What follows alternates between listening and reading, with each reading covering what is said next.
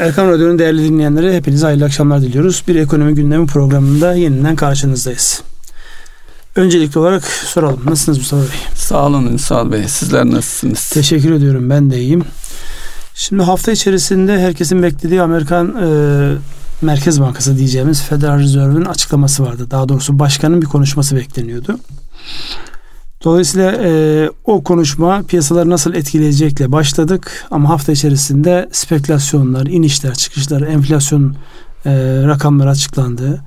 Onların e, yansımaları oldukça hareketli bir haftamız oldu. Hala da olmaya devam ediyor.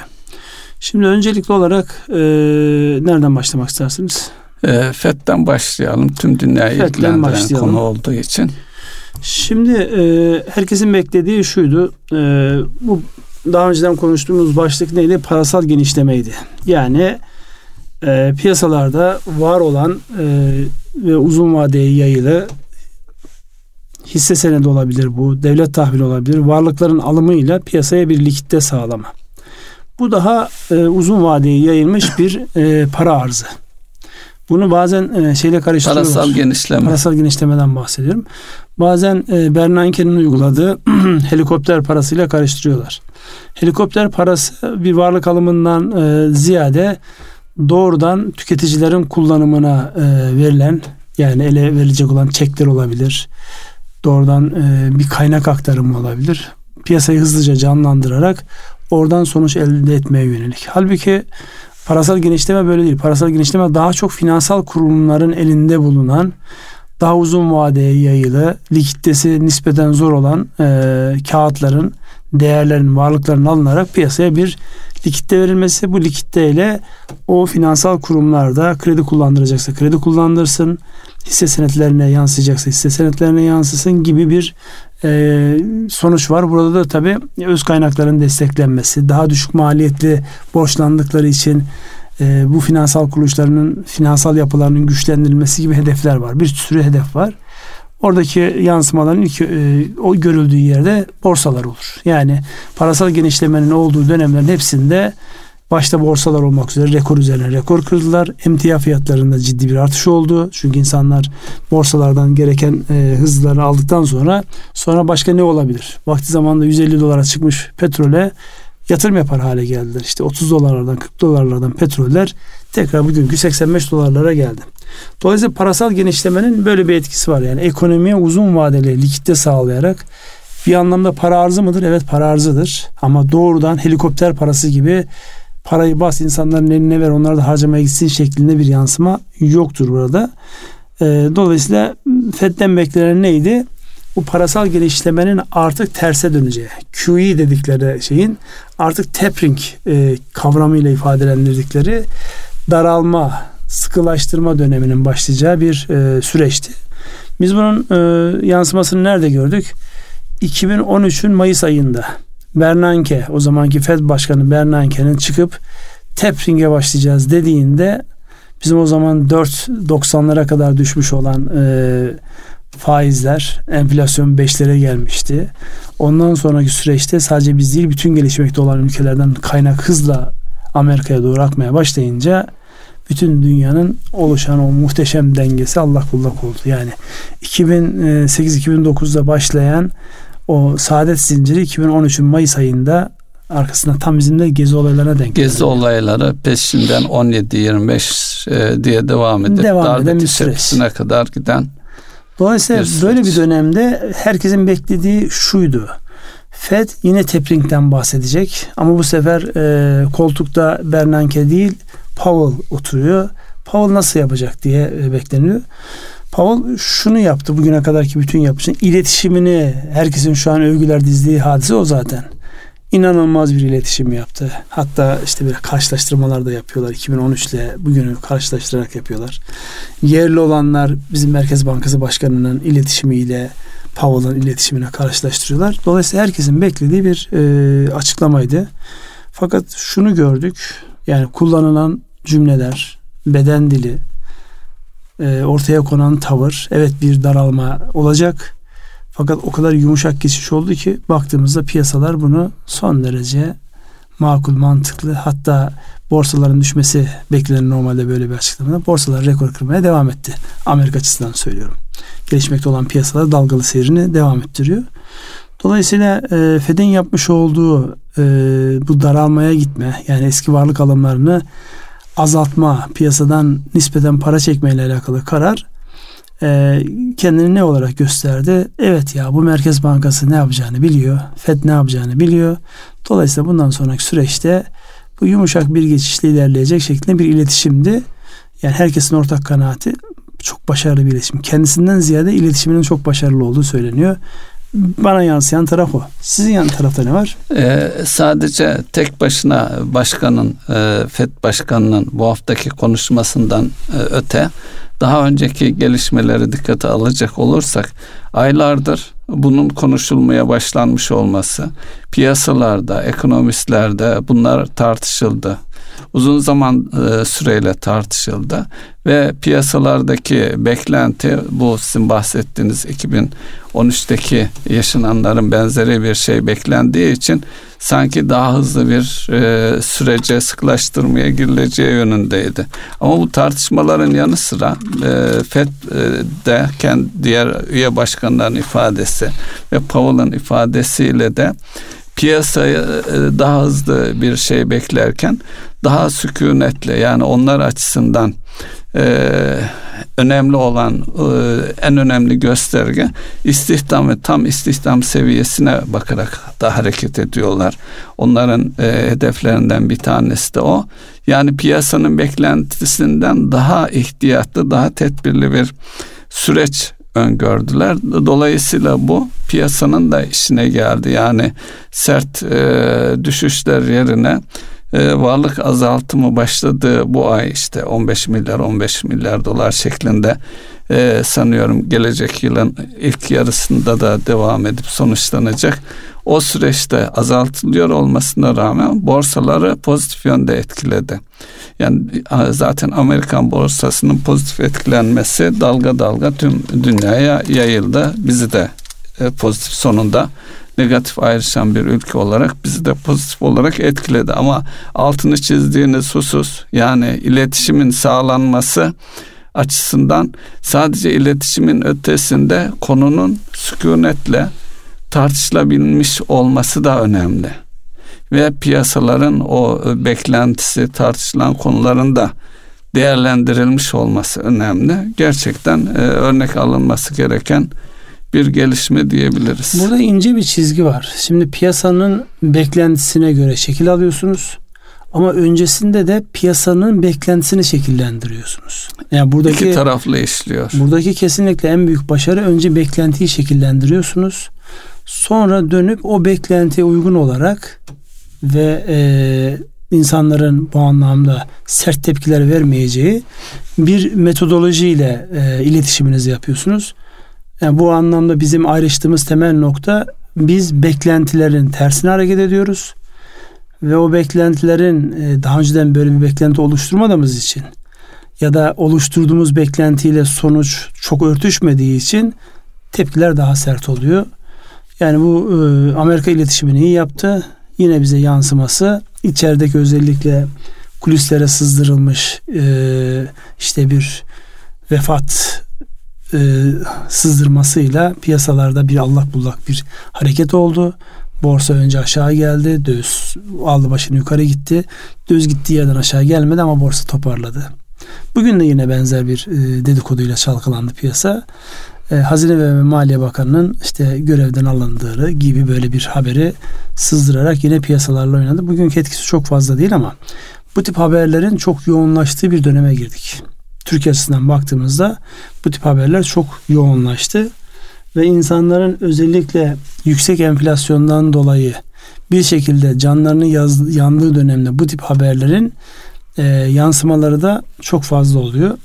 Bir baktığımızda çok enteresan şeyler var. Mesela Amerika teprin kararı aldı ama öbür tarafta Avrupa Merkez Bankası'nın başındaki hanımefendi Lagarde dedi ki 2022 sonuna kadar belki biz hiçbir şeye dokunmayacağız. Yani aynı tempoda desteklemeye devam edeceğiz. Ben genellikle böyle ekonomilerin büyüklüklerine bakıyorum. Ee, şey itibariyle 2020 sonu rakamıdır. Amerikan ekonomisinin büyüklüğü 21 trilyon dolar. Çin'in 15 trilyon dolar. Yaklaşık kaba rakamları söylüyorum. Avrupa'nın büyüklüğü 13 trilyon dolar. Yani Avrupa'dan daha büyük olan Çin ne yapıyor bu gelişmelerde? Amerika'nın almış olduğu bu karardan Çin e, para e, kuru ya da işte e, neyse şu an kelime aklıma gelmedi. Bunları ne yapıyorlar sorusunun cevabı aslında bize fikir de veriyor. Çünkü baktığımızda evet 15 e, trilyon dolarlık bir ekonomik büyüklüğü var ama kişi başına böldüğünüzde e, neredeyse bizimle aynı e, gelir seviyesine sahip olan bir Çin'den bahsediyoruz. Bize başka benzeyen neresi var? Üretim tarafı. Yani bizden daha kuvvetli tabii de benziyoruz evet. en azından üretebilen yapılırız. Dolayısıyla buradaki duruşlar da e, etkilenecek ama öbür tarafta nispeten üretmesi daha e, yani nüfustan, nüfus yapısından dolayı, ekonomi yapısından dolayı daha böyle klasik üretimle devam eden Avrupa diyor ki ben hiç böyle frene basmayacağım, aynen devam edeceğim parasal destekle.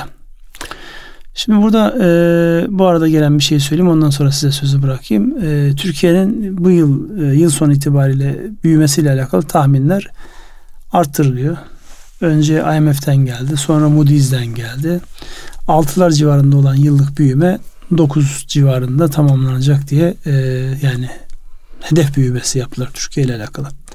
Öbür taraftan cari dengenin de yani artıya dönmeyecek ama cari dengenin gayri safi yurt içi hasılanın yüzde beş beşinde biraz üzerinde olan cari dengenin cari açığın yüzde ikiler seviyesine geleceğiyle alakalı tahminler güncellendi. Bu ne anlama geliyor diye ben size sorayım. Şimdi e, dünyaya baktığımız zaman özellikle Avrupa'nın e, parasal e, sıkılaştırmaya e, daha ihtiyatlı yaklaşmasının önemli nedenlerinden bir tanesi de e, naulun fiyatları olduğu söyleniyor. Yani tedarik zincirindeki aksamaların yani yakın gelecekte bu yıl içerisinde belki gelecek yıl sonuna kadar yerine gelmeyeceği. Dolayısıyla o ülkelere baktığımız zaman işte daha önce pandeminin ilk yıllar e, ilk aylarında gördüğümüz en basit işte e, bir maske üretiminden tutun temel gıda maddelerine ve temizlik maddelerinin e, raflarda bulunamaması gibi sonuçlar olmuştu. Dolayısıyla bunları gördükleri için e, önümüzdeki süreçte hiç acele etmeden özellikle ekonomilerinin canlılığını sürdürmesi ve muhafaza etmesi açısından olabildiğince piyasaları e, para noktasında bolluğa e, parayı bollaştırıyorlar. Tabi bunları konuşurken bir de e, şeyi konuşmadık. Her toplantıda belki konuşmamız elzem. Covid'deki gelişmeleri konuşmadık. Yine e, e Avrupa ta- tarafında özellikle Batı ülkelerinde Covid'de işte sayıların art, artıyor olması, işte yeni varyantlar filan bunlar da onların olabildiğince ihtiyatlı davran e, bu e, parasal genişleme ve para piyasaları konusunda ihtiyatlı davranmayı zorunlu kılıyor onlar açısından. Şimdi orada e, sadece Covid'de parasal genişleme değil mesela Çin açısından bir şey vardı. Çin devleti delta varyantının etkisinin daha derin olacağı düşüncesiyle insanların e, az da olsa bu az da olsa'nın ölçüsü yoktur gıda stoğu yapmaları konusunda bir uyarısı üzerine Çin'de marketlerde gıda stoğu birden bitiyor. Yani burada acaba diyorum e, ekonominin büyümesini iç taleple canlandırma noktasında taktiksel bir şey mi ama bir taraftan da e, zaten planlı ekonomi yani kapitalizmin e, doruk evet. noktasını yaşasalar da neticede Çin komünist, komünist yani. Dolayısıyla planlı ekonominin en böyle e, rahat uygulanabileceği bir yapıda insanlara stok yapın. Ama işte, oradaki sistem ilk çıktığı zaman hatırlayın kapıları çivilediler. Kimseyi sokağa bırakmadılar. Dolayısıyla öyle bir şey olacaksa herkesin doğal olarak işte stok yapmasını e, eskiden olduğu gibi bulgurunu fasulyesi neyse stoklaması zaruri gibi bir durum ortaya çıkıyor yani. Evet yani onu o da mesela hafta içerisinde benim dikkatimi çeken enteresan bir haberdi. İşte Çin'de marketlerde raflarda bir şey kalmadı çünkü insanlara devlet eliyle diye bir haber gelmişti. E, biz e, çok şükür yani son dönemde işte geçen haftaki özellikle bu 5 markete ve bir yağ tedarikçisine uygulanan cezadan sonra gücümüzü kendimiz bu anlamda e, göz ardı ediyoruz. Pandemi sürecinde e, istisnai çok az bir zamanın haricinde hiç böyle bir şey yaşamadık biz. Evet. Tedarik zinciri dipdiri. Ayakta duruyordu perakendesi ve diğer tedarik evet. taraflarıyla. Dolayısıyla bunların her biri bir soru işareti olarak önünüze geliyor. Aslında stres testi diye bir kavram vardır. Finans sektöründe çokça kullanılır. Yani senaryolar ortaya konur. Evet. O senaryolarda ne olursa ne yaşanır? Evet, ne yaşanır?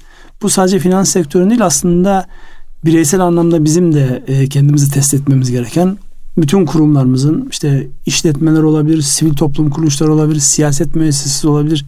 Değişik senaryolarda nasıl tepki verdiği ile alakalı çokça çalışılması gereken risk yönetiminin en temel unsurlarından bir tanesi bu. Tam bu arada e, yani özellikle Türkiye ile alakalı şeyi söylerken e, enflasyona gireceğim e, konu başlığı olarak. Onu sormadan önce e, yine Fed'in açıklamalarında şöyle bir şey vardı. Geçmiş dönemde enflasyona geçici olarak yani enflasyonun biliyorsunuz oran faiz oranı politika faiz oranı 0.25 enflasyon 5.5'lar seviyesinde. Aradaki farkı açıklarken şunu söylüyor. Diyor ki biz bunun geçici olduğunu yani kabul ediyoruz.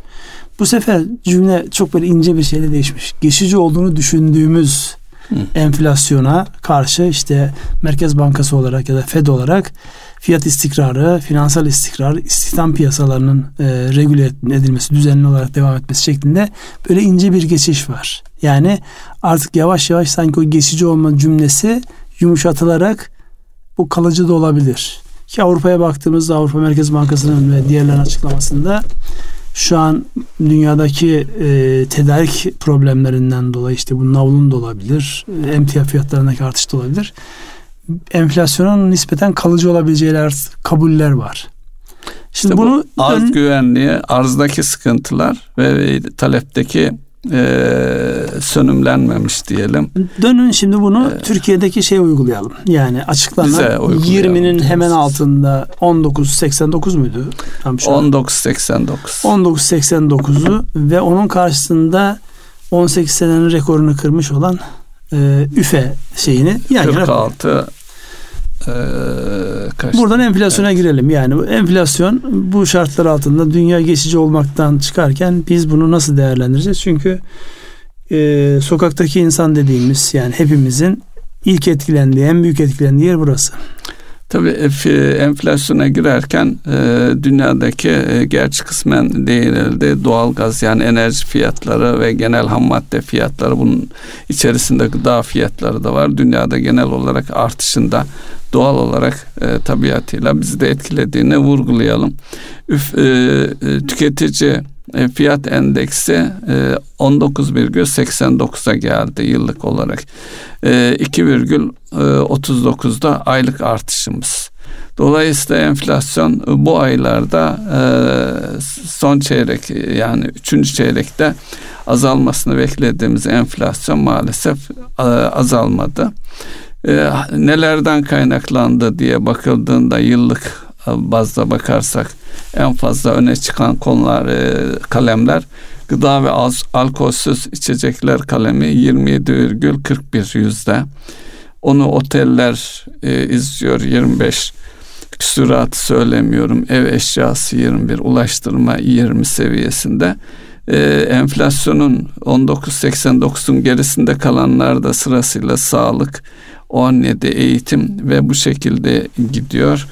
Burada giyim ayakkabı 8,6 e, yıllıkta baktığımız zaman haberleşme 5,29 dönüp aylığa baktığımız zaman ise mesela yıllık e, giyimde 6,8,6 olan kalem sadece Ekim ayında 7,56'lık bir e, artışa tekabül ediyor.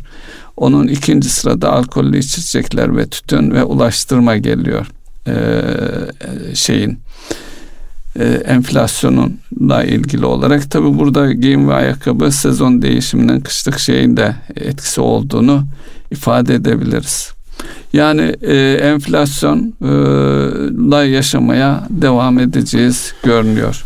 Şimdi orada bir şey var. Ee, özellikle belli köşe yazarları bu enflasyon mevzunu sürekli gündeme aldıkları için. Şeye de girelim mi Ünsal Bey gelen, genel değerlemeden önce üretici e, enflasyonda? Onu, onu söyleyeceğim. Yani burada yani üretici fiyatlarıyla e, tüketici fiyatları arasındaki farkın yani bugünlerin e, değil çok uzun zamandan beri yani böyle bir 10-15 yıllık bir zaman periyoduna bakıldığında bu makasın hep korunduğu yani hep böyle üçte birlik e, bazen yarıya kadar inen e, bazen yarının bile altına yani üfenin şu an olduğu gibi yani üfe 46'da tüfe 1989'da e, yani yarısının bile altında olan bir makasın bulunduğundan bahisle bu makasın ama kapatılmasıdır. Fakat piyasa şartları bu kapatmaya müsaade etmeyecek.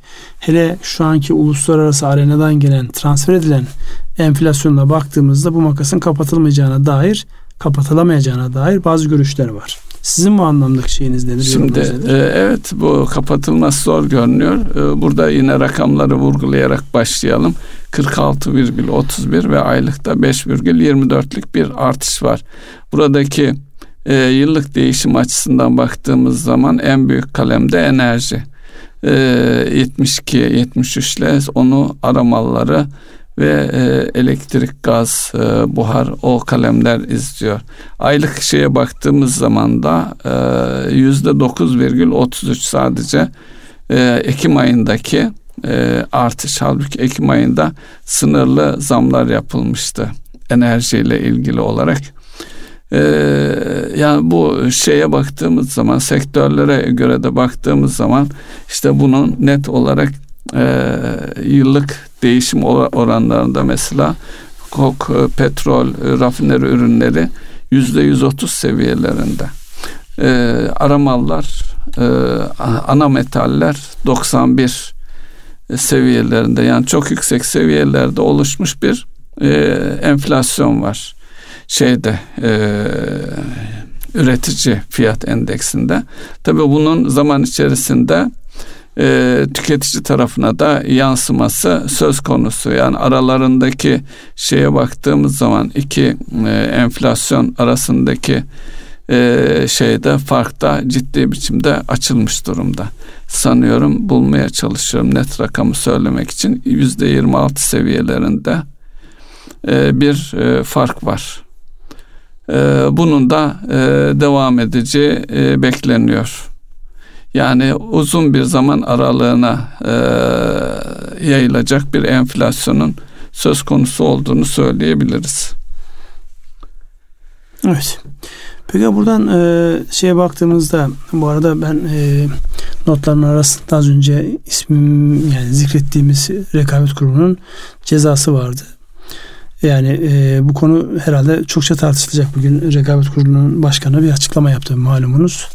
E, buradaki e, özellikle cezaların e, böyle günübirlik değil çok uzun zamana varan araştırmanın sonucu olduğu hatta e, tedarik zincirleri arasında ya da bu marketler arasındaki bazı yazışmaların tedarikçilerle marketler arasındaki bazı yazışmaların delil olarak kullanıldığıyla alakalı açıklama var.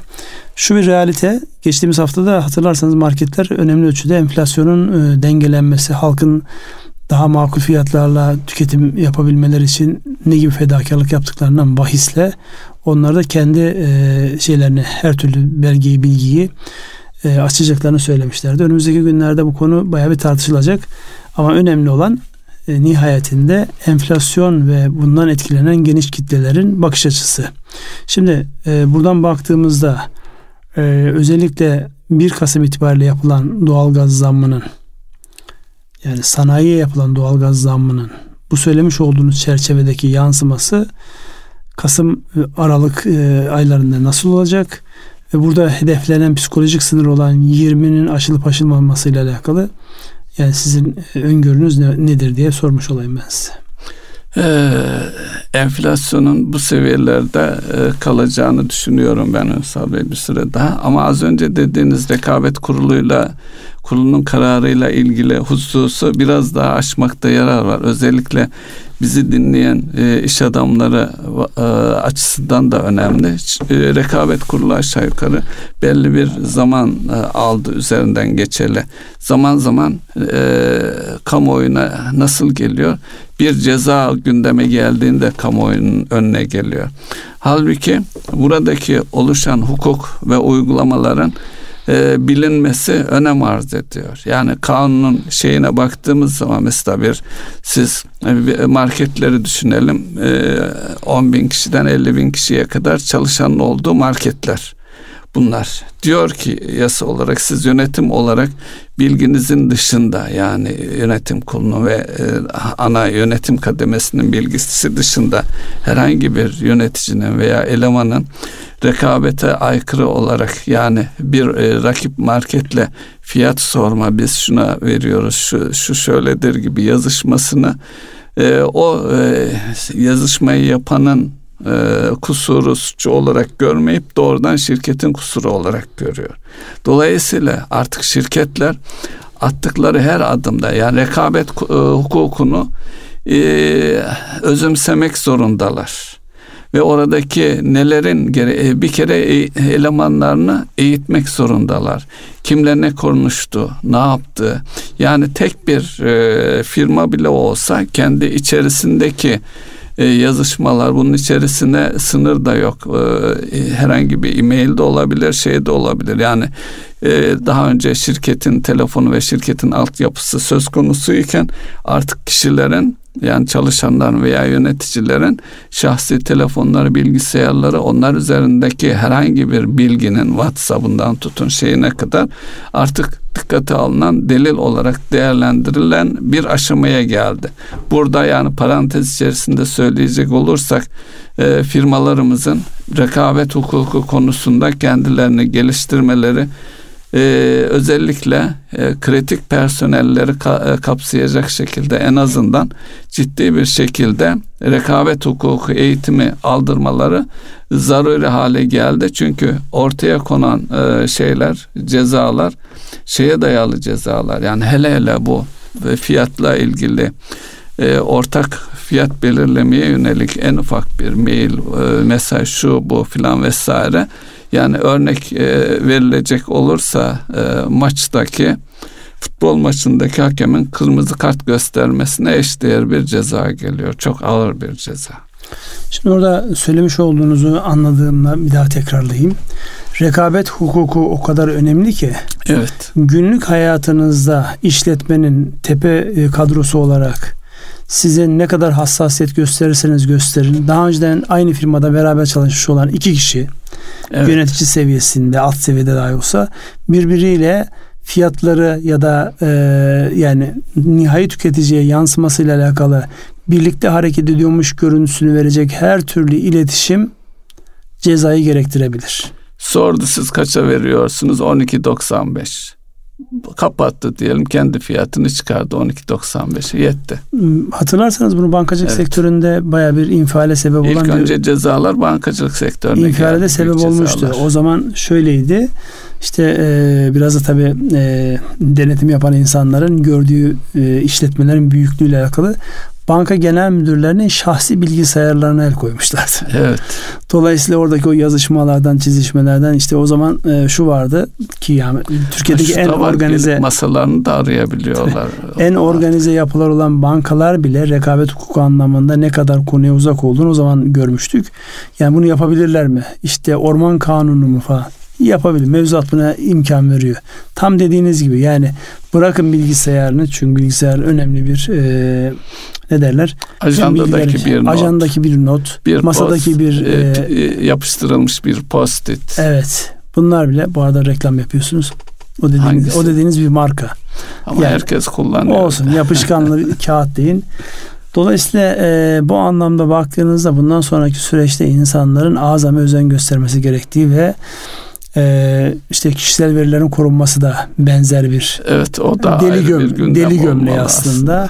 Yani biraz abartarak uyguluyoruz. Çünkü şu an verinin bu kadar değerli olduğu yerde sizin her türlü verinizi sizin dışındaki birileri topluyor. Fakat içeride birisi bunun e, uzağından yakından bir şey yaptığı zaman ciddi cezalar yaşanıyor.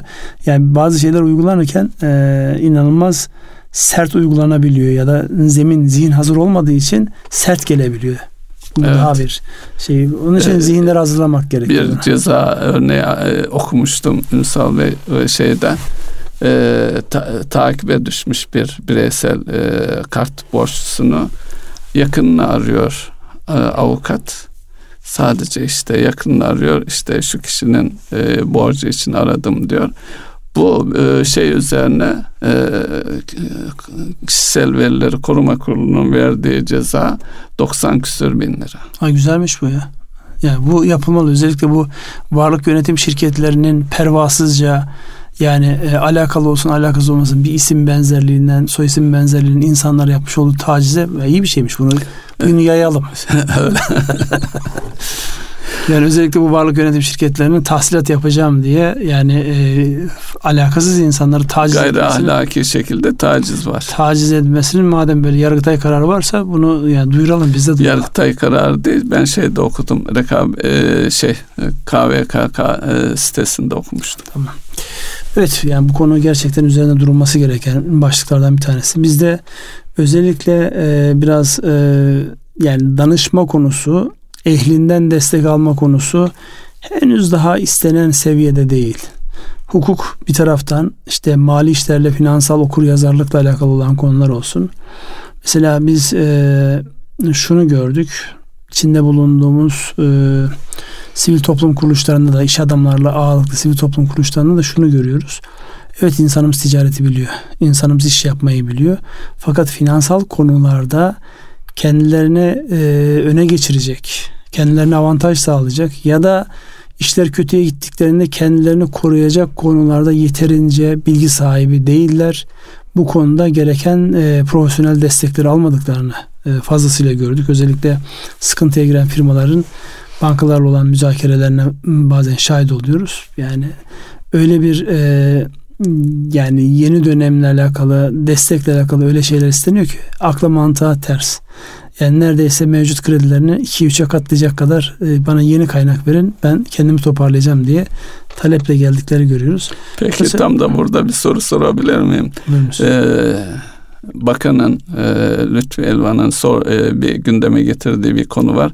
Bankaların teminata dayalı kredi verme şeyini e, tebessüm ettim ben de. ne diyor ne diyorsunuz? Tebessüm ettim. Yani şimdi temennilerle gerçek hayat çok örtüşmüyor. Yani şu an bankalara bırakın e, riske dayalı ve projenin kendi içindeki riske dikkat alarak finansmanı teminatlar bile yetmiyor. Yani teminatları maddi teminat verdiğiniz yerde yani bu konu artık farklı bir boyuta geçmiş vaziyette özellikle Türk finans sektörü açısından.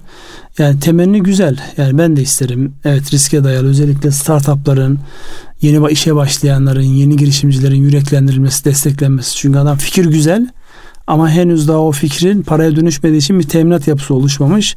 Dolayısıyla finansman bulamadığı için o fikir hayat bulmuyor. Bakanın söylediğini ben de böyle e, yani yürekten desteklerim ama tebessüm ettim yani. Onun işte bankalara söyleyeceğiz bundan sonra bu yönteme gidecekler. işleyecek bir mekanizma değil. Kitlesel fonlama tebliği yayınlandı. Belki o derman olur mu? Derman olur başlangıç mu? olur mu? Yani o da şimdi mesela kitlesel fonlama dünyada işte e, crowdfunding diye e, adını bulmuş kendi içerisinde yani nedir? E, küçük küçük paralarla büyük yatırımlara e, kaynak sağlayacak bir metodoloji ve bunu yaparken de teknolojiden işte internet tabanlı bir çalışma. Siz internette bir e, portal hazırlıyorsunuz. Diyorsunuz ki SPK'dan gerekli izinleri aldıktan sonra biz topladığımız kaynakları işte şu şu şu şu alanlara kanalize edeceğiz. Dolayısıyla sizin paranız ekonomide işletme olarak yani e, bir kayıp değil, boşta bekleyen bir para olarak değil, doğrudan ekonominin içerisine ortaklık olarak yansıyan bir e, giriş olacak. Fikir süper. Uygulaması da süper. Geçmişte bizim kendi daha küçük yapılardaki uygulamalar da var. Ee, önümüzdeki dönemde bununla alakalı çokça e, şey dinleyeceğiz gözüküyor. Çünkü buradan toplanan kaynakların doğru yerlere kanalize edip edilmediği yine üst seviyede bilgiyi, deneyimi, tecrübeyi gerektiren bir başlık. Dolayısıyla önümüzdeki dönemde firmalara, yeni gelişmekte olan firmalara yatırım yapma konusunda daha uzman insanları göreceğiz e, ekonomimizin içerisinde. Faydası olacaktır. Ama arada e, şeyler de olacaktır. Patlaklar da olacaktır. İşte faydası olanlarla patlak çıkarabilecekleri birbirinden ayırmak icap eder. Burada da SPK'ya çok ciddi bir yük düşüyor. Evet. Aklıma şey geldi 70'li yıllarda işçi şirketlere daha sonra işte e, holdingler, Konyalı holdingler. Konya holdingleri. Konyalı olduğum için hemen Konya'nın altını bütün ülkede vardı yani evet, ama Konya yani, ağırlıklı oldu. Evet. Ee, tabii Konya'da bu işin öncülerinden biri e, Haşim Bayram vefat etti. Allah rahmet eylesin. Allah rahmet eylesin. Haşim Hoca'yı çok severim. Ee, iyi niyetli, e, gayretli bir insandı. Tabii e, kişi kendi yetenekleri, yetki şeyleri neyse hepimiz aynı şekilde onunla sınırlıyız. Onu da bu şekilde ifade edelim. Evet Allah rahmet eylesin. Yani Haşim Hoca'nın gerçekten e, ekonomide farklı bir duruşu vardı. Yani çok böyle samimi niyetlerle ortaya çıkmış. Yani o kadar kaynak toplayacağını kendisinden ben e, dinlediğimde ya bu kadar büyük talep göreceğini biz de kestiremiyorduk. Zaten iş sistemli orada e, bir anlamda bu oluyor yani su geliyor çok, çok fazla su, su gelince bendi yıktı veya bendi açtı. yıktı işte açtı dolayısıyla ona uygun e, firmalar işler geliştirilemedi mesela düşünebiliyor musun şu an öyle bir şey olsa şu an herkesin evet girişimciliği öğrendiği o zaman girişimcilik falan hak getiriyor. Sınırlı sayıdaki evet. insanın elinde olan e, yapılardı. Girişimciliği öğrendiği ya da öğrenmeye çalıştığı bir dönemde bu dönemde böyle bir kaynağın gelmiş olması tabii o vaat edilen kar paylarıyla değil ama daha makul ölçülerle ortaya çok güzel şeyler çıkarmış. Yani bazen böyle erken doğumlar yazık oldu diyorsunuz vaktinde şekle şemaya girmemesine yazık oldu diyorsunuz. Hukuki altyapısının işte, oluşturulmamış Şekil şema dediğim evet. orası yani. Vakti zamanında bu insanlardan para toplanırken bu nedir sorusunun cevabı bulunmuş olsaydı yapılırdı. En sonunda işte tasarruf finansman şirketleriyle evet. alakalı TMSF'nin çıkardı. O dönem için şeyi de vurgulamak lazım. 28 Şubat süreci ve bu tür yapılarında işte irticai yapılar olarak e, damgalanmasında evet. altını çizelim. İdeoloji. Yani her şeyi doğru yerine yerleştirebilme açısından. İdeoloji rezil bir şey. Ya. Evet. Yani ideolojik bakış açısı gerçekten. Ee, bağnazlık diyelim. Bağnazlık diyelim. Çok e, yani insanlara ağır bedeller ödeten e, bakış açıları.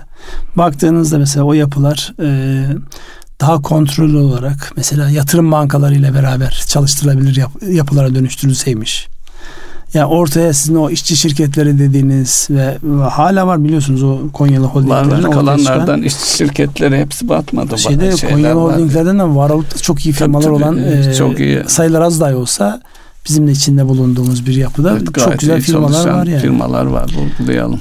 Dolayısıyla bu önemli bir başlık. Onu da bir kenara not olarak düşmüş olalım. Evet hatırlattığınız iyi oldu.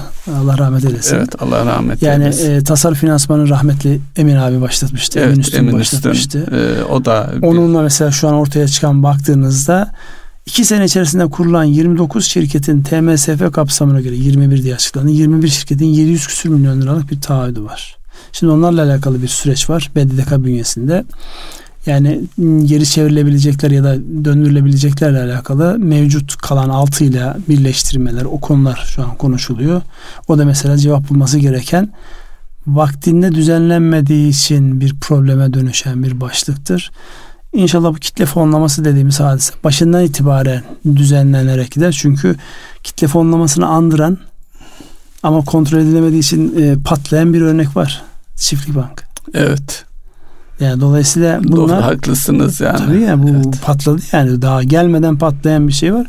Onun için düzenlemeler, düzenlemenin uygulamalarıyla alakalı yani e, bu işin bürokrasisindeki olan insanlar piyasanın içinden gelen insanlar. Çok rahatlıkla hızlı hareket ederek toparlayabilirler. Yeter ki o anlamda niyet olsun.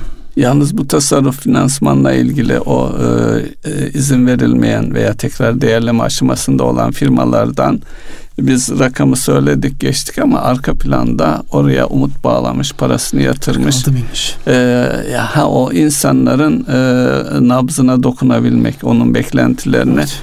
e, örselemeden çünkü her gün bu insanlar zarar ediyor. Hele hele toplanan paranın Türk lirası olduğu zaten otomobil ve e, evet. ev e, ev ve otomobil fiyatlarının da e, bu kadar yükseldi yani enflasyonu hak getire elli yüzde yüz seviyesinde artan e, e, evler var. Hadi onlar lüks, segmentte olduğunu düşünelim. Yani o çözümün bir an evvel yerine getirilmesi eğer o tasfiyesine karar verilen şirketlerden bazıları birleştirildiği takdirde e, yaşamlarını sürdürebilecekse veya bu birleştirme dediğiniz de önemli bir e, şey ama o da mevcut kalanlara ilave bir yük getiriyor olacak. Onu da hesap etmek lazım. Hasılı çok fazla uzatmadan çözüm getirilmesinin önemini vurgulayalım. Yani 46 bin tane e, tasarruf sahibi 700 küsür milyon liralık bir rakam.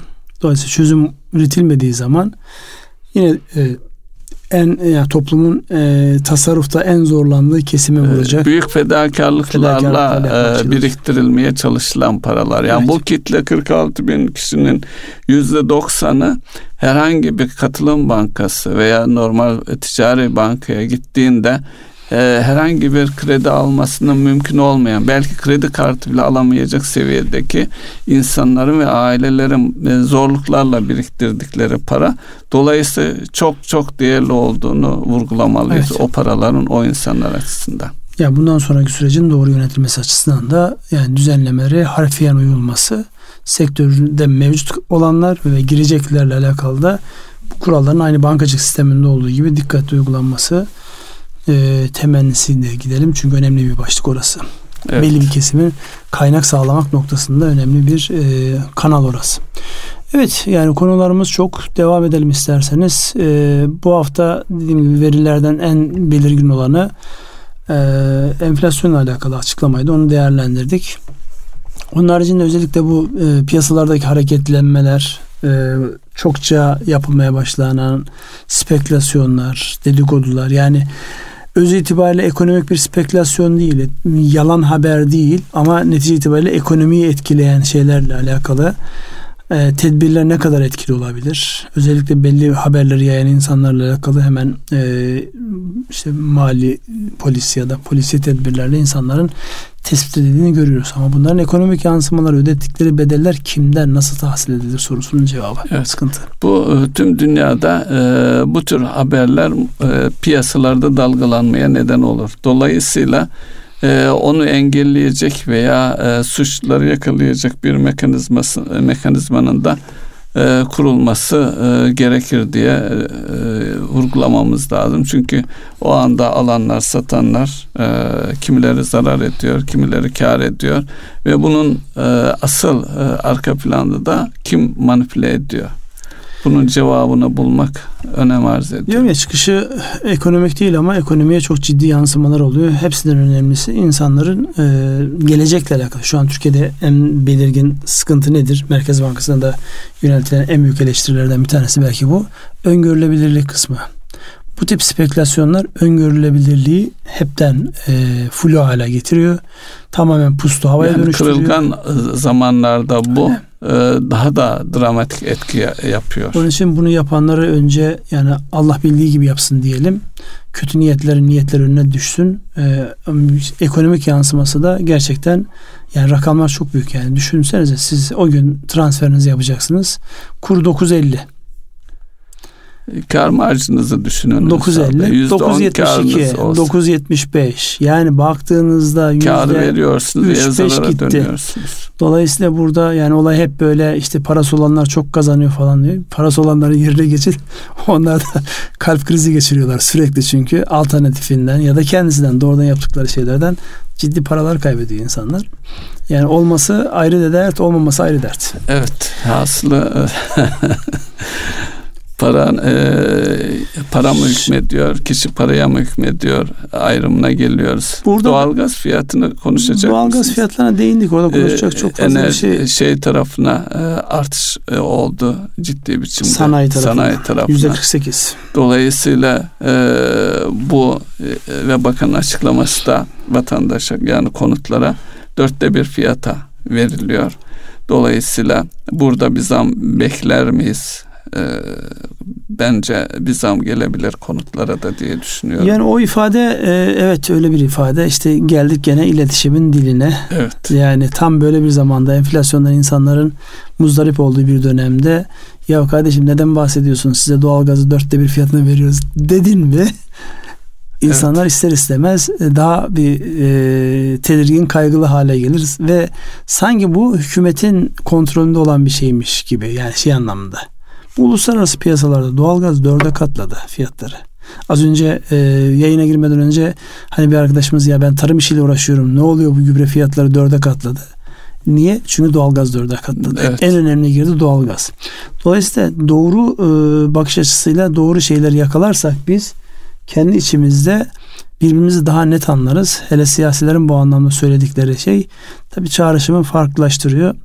Yani siyasetin e, ustaları bilir ki hani e, eski bir başbakan siyasetçinin söylediği gibi cebine dokunduğu zaman insanların gözü bir şeyi görmez. Bunun iyi yönetilmesi gerekiyor. Yani cebe dokunulan şeyin de kendi içerisinde e, iyi yönetilmesi gerekiyor. Tam bu sırada söyleyeceğim şey şu. Şimdi e, böyle zamanlarda yani insanların cebinden bir şeylerin eridiği, satın alma gücünün düştüğü zamanlarda para politikası tek başına yetmiyor.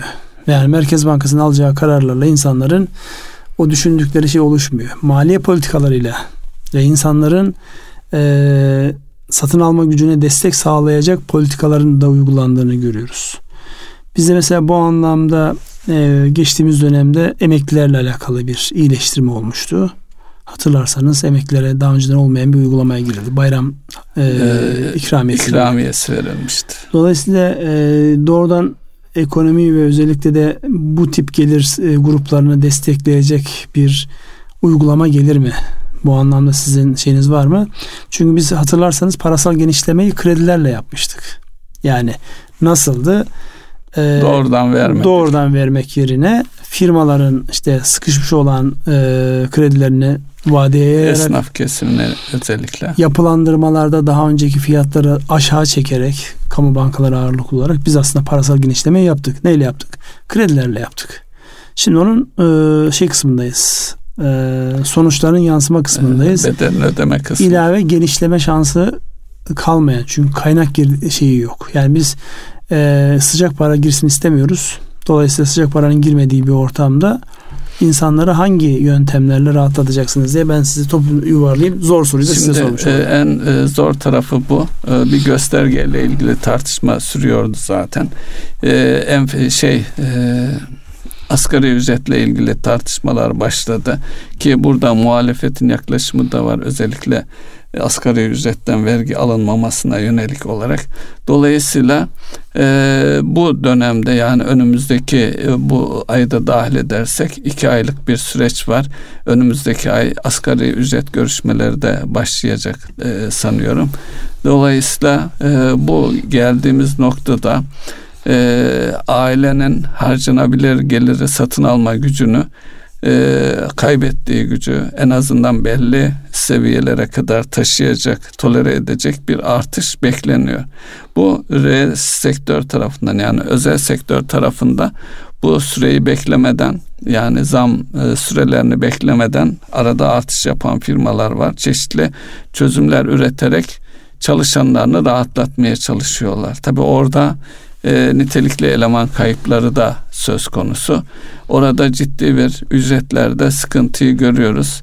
Hatta bu e, bu istihdamla ilgili firmamıza yansıyan şeylerde de talep edilen ücretlerde de yani bir yerde çalışıyorsa bir iş değiştirmek için e, ana sebeplerden bir tanesine baktığınız zaman e, temelde ücretinin e, artırılmasına yönelik yani buradaki daha önceki e, şeylerde şu öne çıkardı. Bir fırsatçı yaklaşım yani daha ücret, yüksek ücretli iş bulabilir miyim?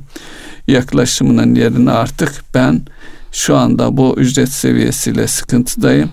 Ve burada da beklediğim e, gelişmeyi şu an için e, eğer zam dönemi falan de, değilse işverenden de herhangi bir şekilde adım atılmıyorsa iş yerini işini değiştirerek ücretini artırmaya yönelik bir e, yaklaşım ön plana Ama piyasanın açık olmasını gerektirmez mi yani insanların yani bir tarafların genişliyor olması lazım. Sizin mevcut işinizi e, daha iyi imkanlarla başka işlerle değiştirebilmeniz için ki orada yılların birikmişi var, kıdem var. Yani bir sürü e, var, var. caydırıcı olan, gitmeyi engelleyecek bir sürü unsur var. Burada e, sadece açmak için söylüyorum. Yani para politikası ile maliye politikasının en belirgin nasıl anlaşılır? Para politikasında Merkez Bankası kanalıyla piyasaya genişletirsiniz. İnsanlar daha ucuzdan borçlanır. Borçlandıkları şeylerle gider ihtiyaçlarını karşılarlar. Bu da ekonominin çarklarının daha net dönmesini sağlayacak bir yöntemdir. Ama bu ila nihaya devam edilecek bir nokta değildir. Mesela Türkiye'de şu an özellikle e, konuştuğumuz bankacılarda kredi alma iştahının e, ne kadar az olduğu konusunda siz de biliyorsunuz ben de biliyorum. Böyle bir dönemde maliye politikası dediğimiz ki onun da açılımında şu var. Vergi toplamayla ya da topladığınız vergileri harcamakla ekonomiye nasıl katkı sağlayacağınız noktasında. Şimdi sizin o söylemiş olduğunuz şey nasıl olabilir? Asgari ücretlilerden kesintilerin azaltılması olabilir. Asgari ücretin ciddi oranda arttırılması olabilir. olabilir. Herhalde ama onu, onu tercih ederler diye düşünüyorum. Ama arttırdığınızda şöyle bir şey var. E, asgari ücretle çalışanların ne kadarı kamuda çalışıyor? Çünkü bu sadece kamunun değil, e, özel sektörde. Özel sektöre de maliyet yüklüyor. Özel sektörde e, son dönemde özellikle bu sanayi tarafındaki kapasite e, kullanım oranlarının artması, karlılıkların artması, asgari ücretin oranı belirlenmeden bazı firmaların işte yüzde 25, yüzde 30 zam yapacağını duyuruyor olması bunlar yani bir anlamda eğer sadece popülizm olsun diye yapmıyorlarsa iyi şeyler. Ama herkesin buna ayak uydurması çok zor. Dolayısıyla yani bir tarafı düzeltirken e, öbür tarafı dağıtmadan uygulanacak bir hadise. Zaten şu an asıl can alıcı, can sıkıcı şey de şu. Herkes mevcut fotoğrafı eleştiriyor. Yani şu yanlış yapılır, bu eksik yapılır. Peki ne yapılmalıydı sorusu? Klasik uygulamaların dışında kimsenin önerdiği bir şey yok. Yani klasik işte e, faiz e, kur dengesinde ki bugün bakanın açıklamasında biliyorsunuz şey vardı. Yani biz böyle öne açık bir kur politikası hedefimiz yok. Tabii ki orada dengeli bir kur, kur politikası uygulayacağız. Çünkü şunun farkında e, hükümette. Daha önceden yüzde 35, yüzde 40'lar seviyesinde olan e, ithalata dayalı ihracat şu an yüzde 70'leri geçmiş durumda. Dolayısıyla yüksek kur ihracatı desteklemiyor aslında. Sizin zaten girdileriniz yüzde yetmiş olduğu için oradaki 25-30 puanlık içerisindeki yani Türk lirası kaynaklarla işçilik başta olmak üzere işte diğer Türk lirası kalemlerden sağladığınız ham maddelerdeki avantaj o yüzde otuzluk bantla sizi rakipleriniz önüne geçirmiyor. Onun için yani ucu açık bir kur hiç zannetmiyorum hükümetin böyle bir şeyi hedeflediğini. Ama özellikle Merkez Bankası'nın son açıklamasında yani tek derdimiz cari denge Fiyat denge düzelirse e, hepsi düzelir. Hepsi düzelir. Değişik bir bakış açısı. Hükümet özellikle bakan onu birebir aynısını söylemedi. Orada bir sanki bir düzeltme işareti gibi geldi. Bu arada evet. süremiz baya baya geçti. Ee, yani süremizi aşıyoruz. Evet. Ne söylemek istersiniz? Son cümleler olarak. Son cümleler olarak yine istihdam herkesin canını yakan bir husus. İstihdamın artırılması yönündeki e, gayretleri e, ne yapalım? Dileyelim. Evet dileyelim. Özellikle yani birbiriyle tutarlı e, doğruyu yapan, doğru yaptığını da doğru şekilde anlatan para ve maliye politikalarıyla yani bu işi yapanlara da Allah, Allah dirayet versin. Evet iletişim çok önemli bir başlık. Erkam Radyo'nun değerli dinleyenleri bir ekonomi gündemi programının daha sonuna geldik. Dilimizin döndüğünce bu hafta olanları anlatmaya çalıştık. Ee, sürçülisan eylediysek affola. Hepinize hayırlı akşamlar diliyoruz. Hayırlı akşamlar.